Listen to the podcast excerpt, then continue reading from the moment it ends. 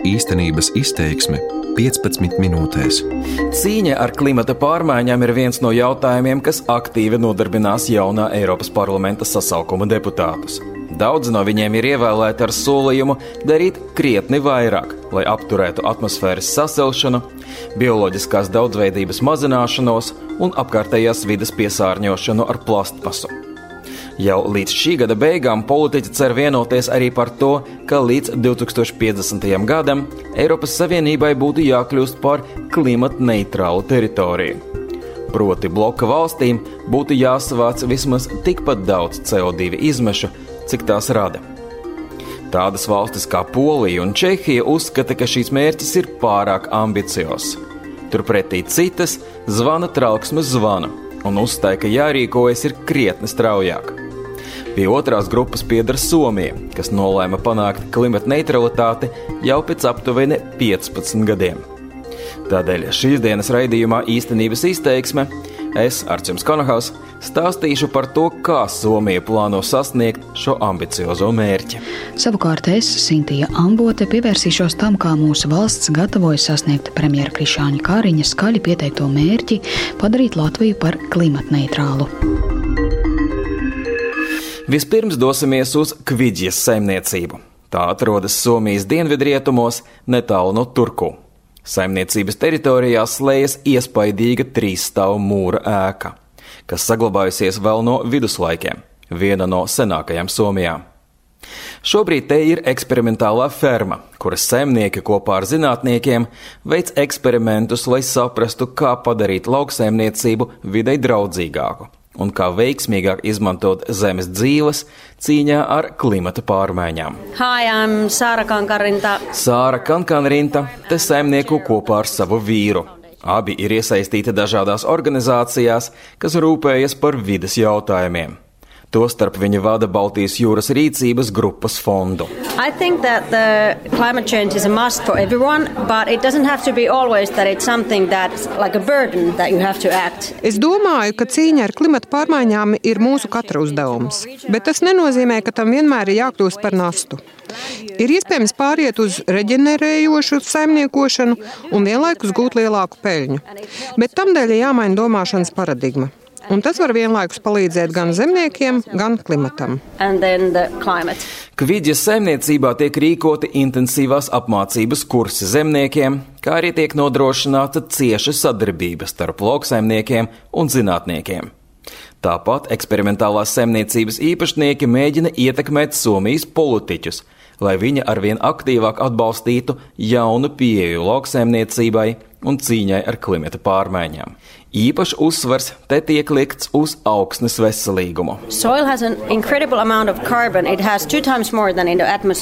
Augsne satur milzīgu oglekļa dioksīda apjomu. Tajā ir divas reizes vairāk oglekļa nekā atmosfērā. Tādēļ pat neliels pieaugums šajā jomā varētu radīt ļoti pozitīvu ietekmi uz klimata pārmaiņu procesu. Kankāna Rinta uzteica, ka veselīga augsne spēj saturēt un glabāt krietni vairāk oglekļa nekā zeme, kas tiek nemitīgi apstrādāta ar ķīmiskiem mēslojumiem. Turklāt, tad, kad augsne ir neveselīga, mēslojums nevis paliek zemē un palīdz augiem ātrāk attīstīties, bet gan aizplūst gruntsūdeņos un caur tiem nonāk Baltijas jūrā kur palīdz veidoties zilaļģēm. Well, Baltijas jūra nebūtu nav labā stāvoklī. Tā ir diezgan piesārņota. Un šo piesārņojumu rada gan pašvaldības, gan lauksaimniecība, gan mežapstrāde. Ja nitrāti caur augstu nonāk jūrā, tas zemniekiem un mežu īpašniekiem rada lielus izdevumus. Un vienlaikus tas pamatīgi piesārņo jūru. Tādēļ Kvidžas fermas īpašnieki mēģina parādīt Somijas lauksaimniekiem, ka videi draudzīgā saimniekošana var būt arī ekonomiski izdevīga. Fermā savus eksperimentus veic arī zinātnieki. So Jari Liski, Jari Liski ir Somijas Meteoroloģijas institūta pētnieks. Ar dažādu novērojumu un sarežģītu matemātisko modeļu palīdzību viņš mēģina saprast, cik daudz CO2 izmešu var uzglabāt veselīga augsne. Yeah, there are three principles. Is that the field should be green as much as possible, so maximize photosynthesis. Ir trīs pamatprincipi. Pirmkārt, jebkuram laukam ir jābūt zaļam pēc iespējas ilgāk. Tas ļauj maksimizēt fotosintēzi. Otrais princips - minimizēt iejaukšanos. Ja ogļuskābo gāzi ir izdevies sakrāt augsnē ar palielinātās fotosintēzes palīdzību, to nevajag atkal laist ārā. Augsni var sagatavot bet ir labāk to darīt pēc iespējas nesaudzīgāk. Un treškārt, ir jāpalielina mikrobu aktivitāti augsnē. Zinātnieks saka, ka Somijā veidojas arvien labāka izpratne par to, kādu lomu augsne spēlē cīņā ar klimata pārmaiņām.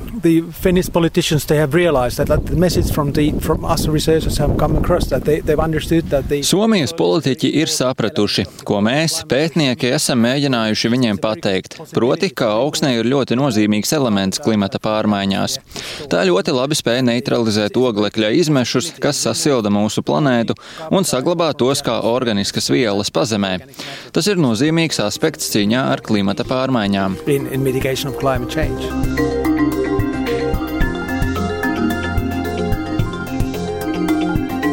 Somijas politiķi patiešām ir izvirzījuši cīņu ar klimata pārmaiņām par vienu no jaunās valdības prioritātēm. Somija vēlas panākt, lai jau 35. gadā tā spētu savākt tikpat daudz izmešu, cik tā rada. Tas ir ļoti ambiciozs mērķis, atzīst Somijas vidas un klimata pārmaiņu ministre Krista Mikkonena. And we know that we have to do uh, things in every sector. Mēs zinām, ka mums ir jāveic pasākumi visās jomās - satiksmē, ēku energoefektivitātē, enerģētikas jomā un tā tālāk.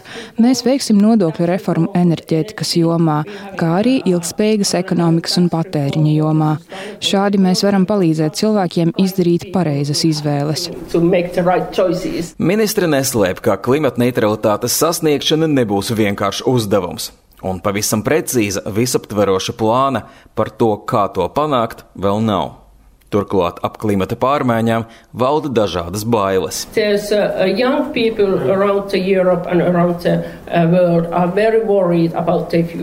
no vienas puses, visapkārt Eiropā un arī pasaulē ir jaunieši, kuri ir ļoti bažīgi par savu nākotni.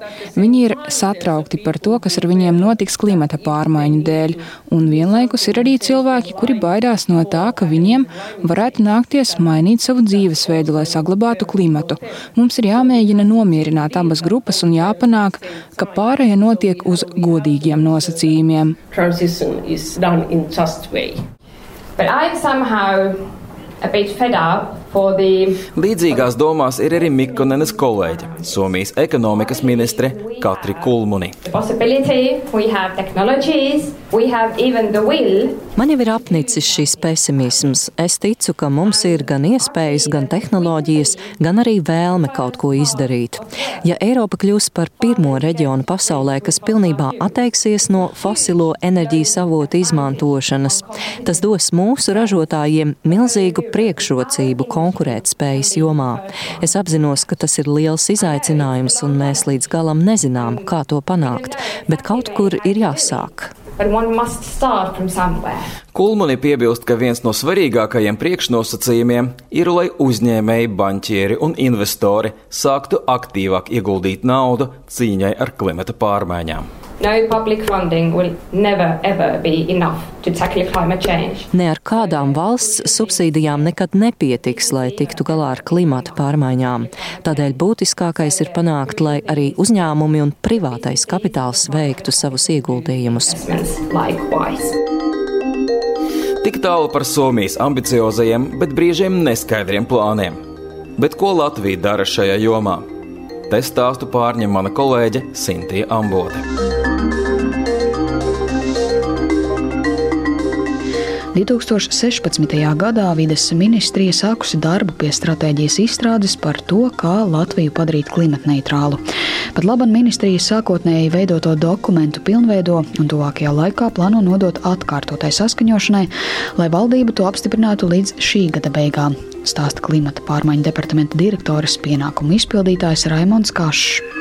Šis ir ilgtermiņa dokuments, kurš aptver visas nozares un līdz ar to atrast līdzsvaru starp klimata jautājumu un attiecīgas nozares specifikām ir izaicinājums. Un galvenais ir rast vienotu izpratni par mērķu sasniegšanu. Un tā ir tā galvenā nianse, ka mums jāspēj pārliecināt un ar šo dokumentu iedzīvināt to ideju, ko mēs gribam sasniegt uz 2050. gadu. Nu jā, par to mēs diskutējam un arī turpināsim diskutēt ar ministriju pārstāvjiem un nevalstiskajām organizācijām. Un tas jau būs vistuvākā laikā rudenī. Latvijā emisiju struktūrā dominē trīs sektori, kuru izmešu apjoms ir līdzvērtīgs. Tie ir enerģētika, transports un lauksaimniecība. Galvenie siltumnīca efektu gāzu emisiju avoti 2017. gadā ir enerģētika ar 34%, transporta sektors ar 29% un lauksaimniecība ar 25%. Un, savukārt, mazākā apmērā ir atkrituma apsaimniekošanas sektors ar 5% un rūpnieciskie procesi un produktu izmantošana, kas ir aptuveni 7% apmērā. Neapšaubām, ka katrs šis sektors prasīs izaicinājumus, lai emisijas samazinātu.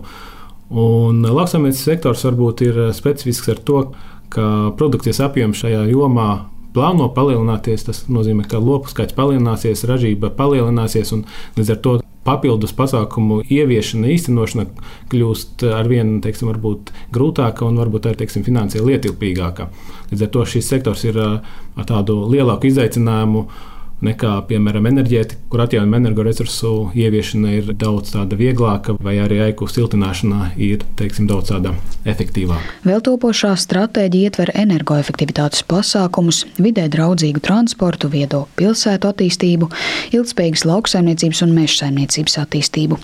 Vides ministrijas eksperts gan arī atzīst, ka ministrijas rakstītajā stratēģijā par klimata neutralitātes sasniegšanu netiek uzskaitītas konkrētas metodas un piemēri, kas nozarēm jādara, lai atstātu mazāku ietekmi uz klimatu.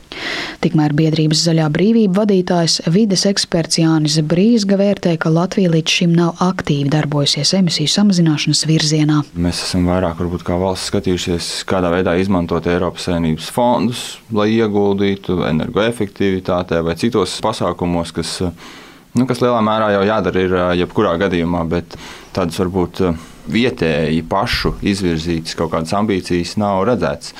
Līdz eh, šovasar eh, mūsu premjerministrs Kariņš Eiropas eh, nu, pirms Eiropas padomus pievienojās šo Eiropas ambiciozo valstu grupai, paziņojot, ka Nu, mēs ejam uz tādu bezemisiju Latviju 50. gadā. Tas, protams, ir tāds vairāk deklaratīvs paziņojums, bez eh, līdz šim nav redzēts konkrēts rīcības piedāvājums, kā tas notiks. Un, ja arī paskatās valdības rīcības plānā, tad, eh, nu, tad eh, tur ir tie apgalvojumi, kas attiecās uz klimata jautājumiem, ir tādi nu, diezgan izplūduši. Nevalstiskā sektora pārstāvis uzskata, ka, lai ambiciozus klimata mērķus sasniegtu, nepieciešami konkrēti stingri ierobežojumi, kas jānosaka Eiropas līmenī, lai nemazinātu uzņēmumu konkurētspēju. Tāpat liela loma joprojām ir sabiedrības izpratnes veicināšanā. Mēs arī vairāk un vairāk braucam ar privātām automašīnām, neskatoties uz to, ka viņas kļūst efektīvākas, mēs mazāk degvielas tērējam uz tiem 100 km. Lielākā daļa automašīnu ir dīzeļi, kas arī papildus piesārņo gaisa kvalitāti, pasliktina ne tikai klimata pārmaiņas veicina. Ja Latvija salīdzinājumā uz jaunajām mašīnām, salīdzinājumā ar citām Eiropas Savienības valstīm, mums ir mašīnas ar vislielākajiem dzinējiem, vislielākajām emisijām.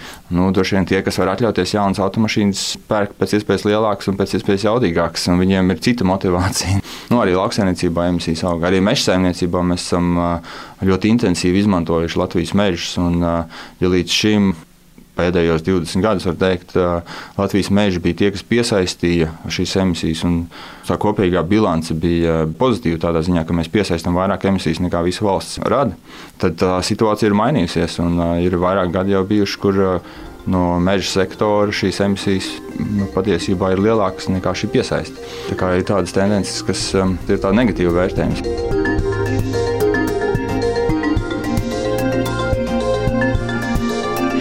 Latvijā darbs ar klimata neutralitātes jautājumiem intensīvāks kļuvis pērn, kad Eiropas komisija publicēja ziņojumu par tīru planētu visiem un klimata neitrālu ekonomiku.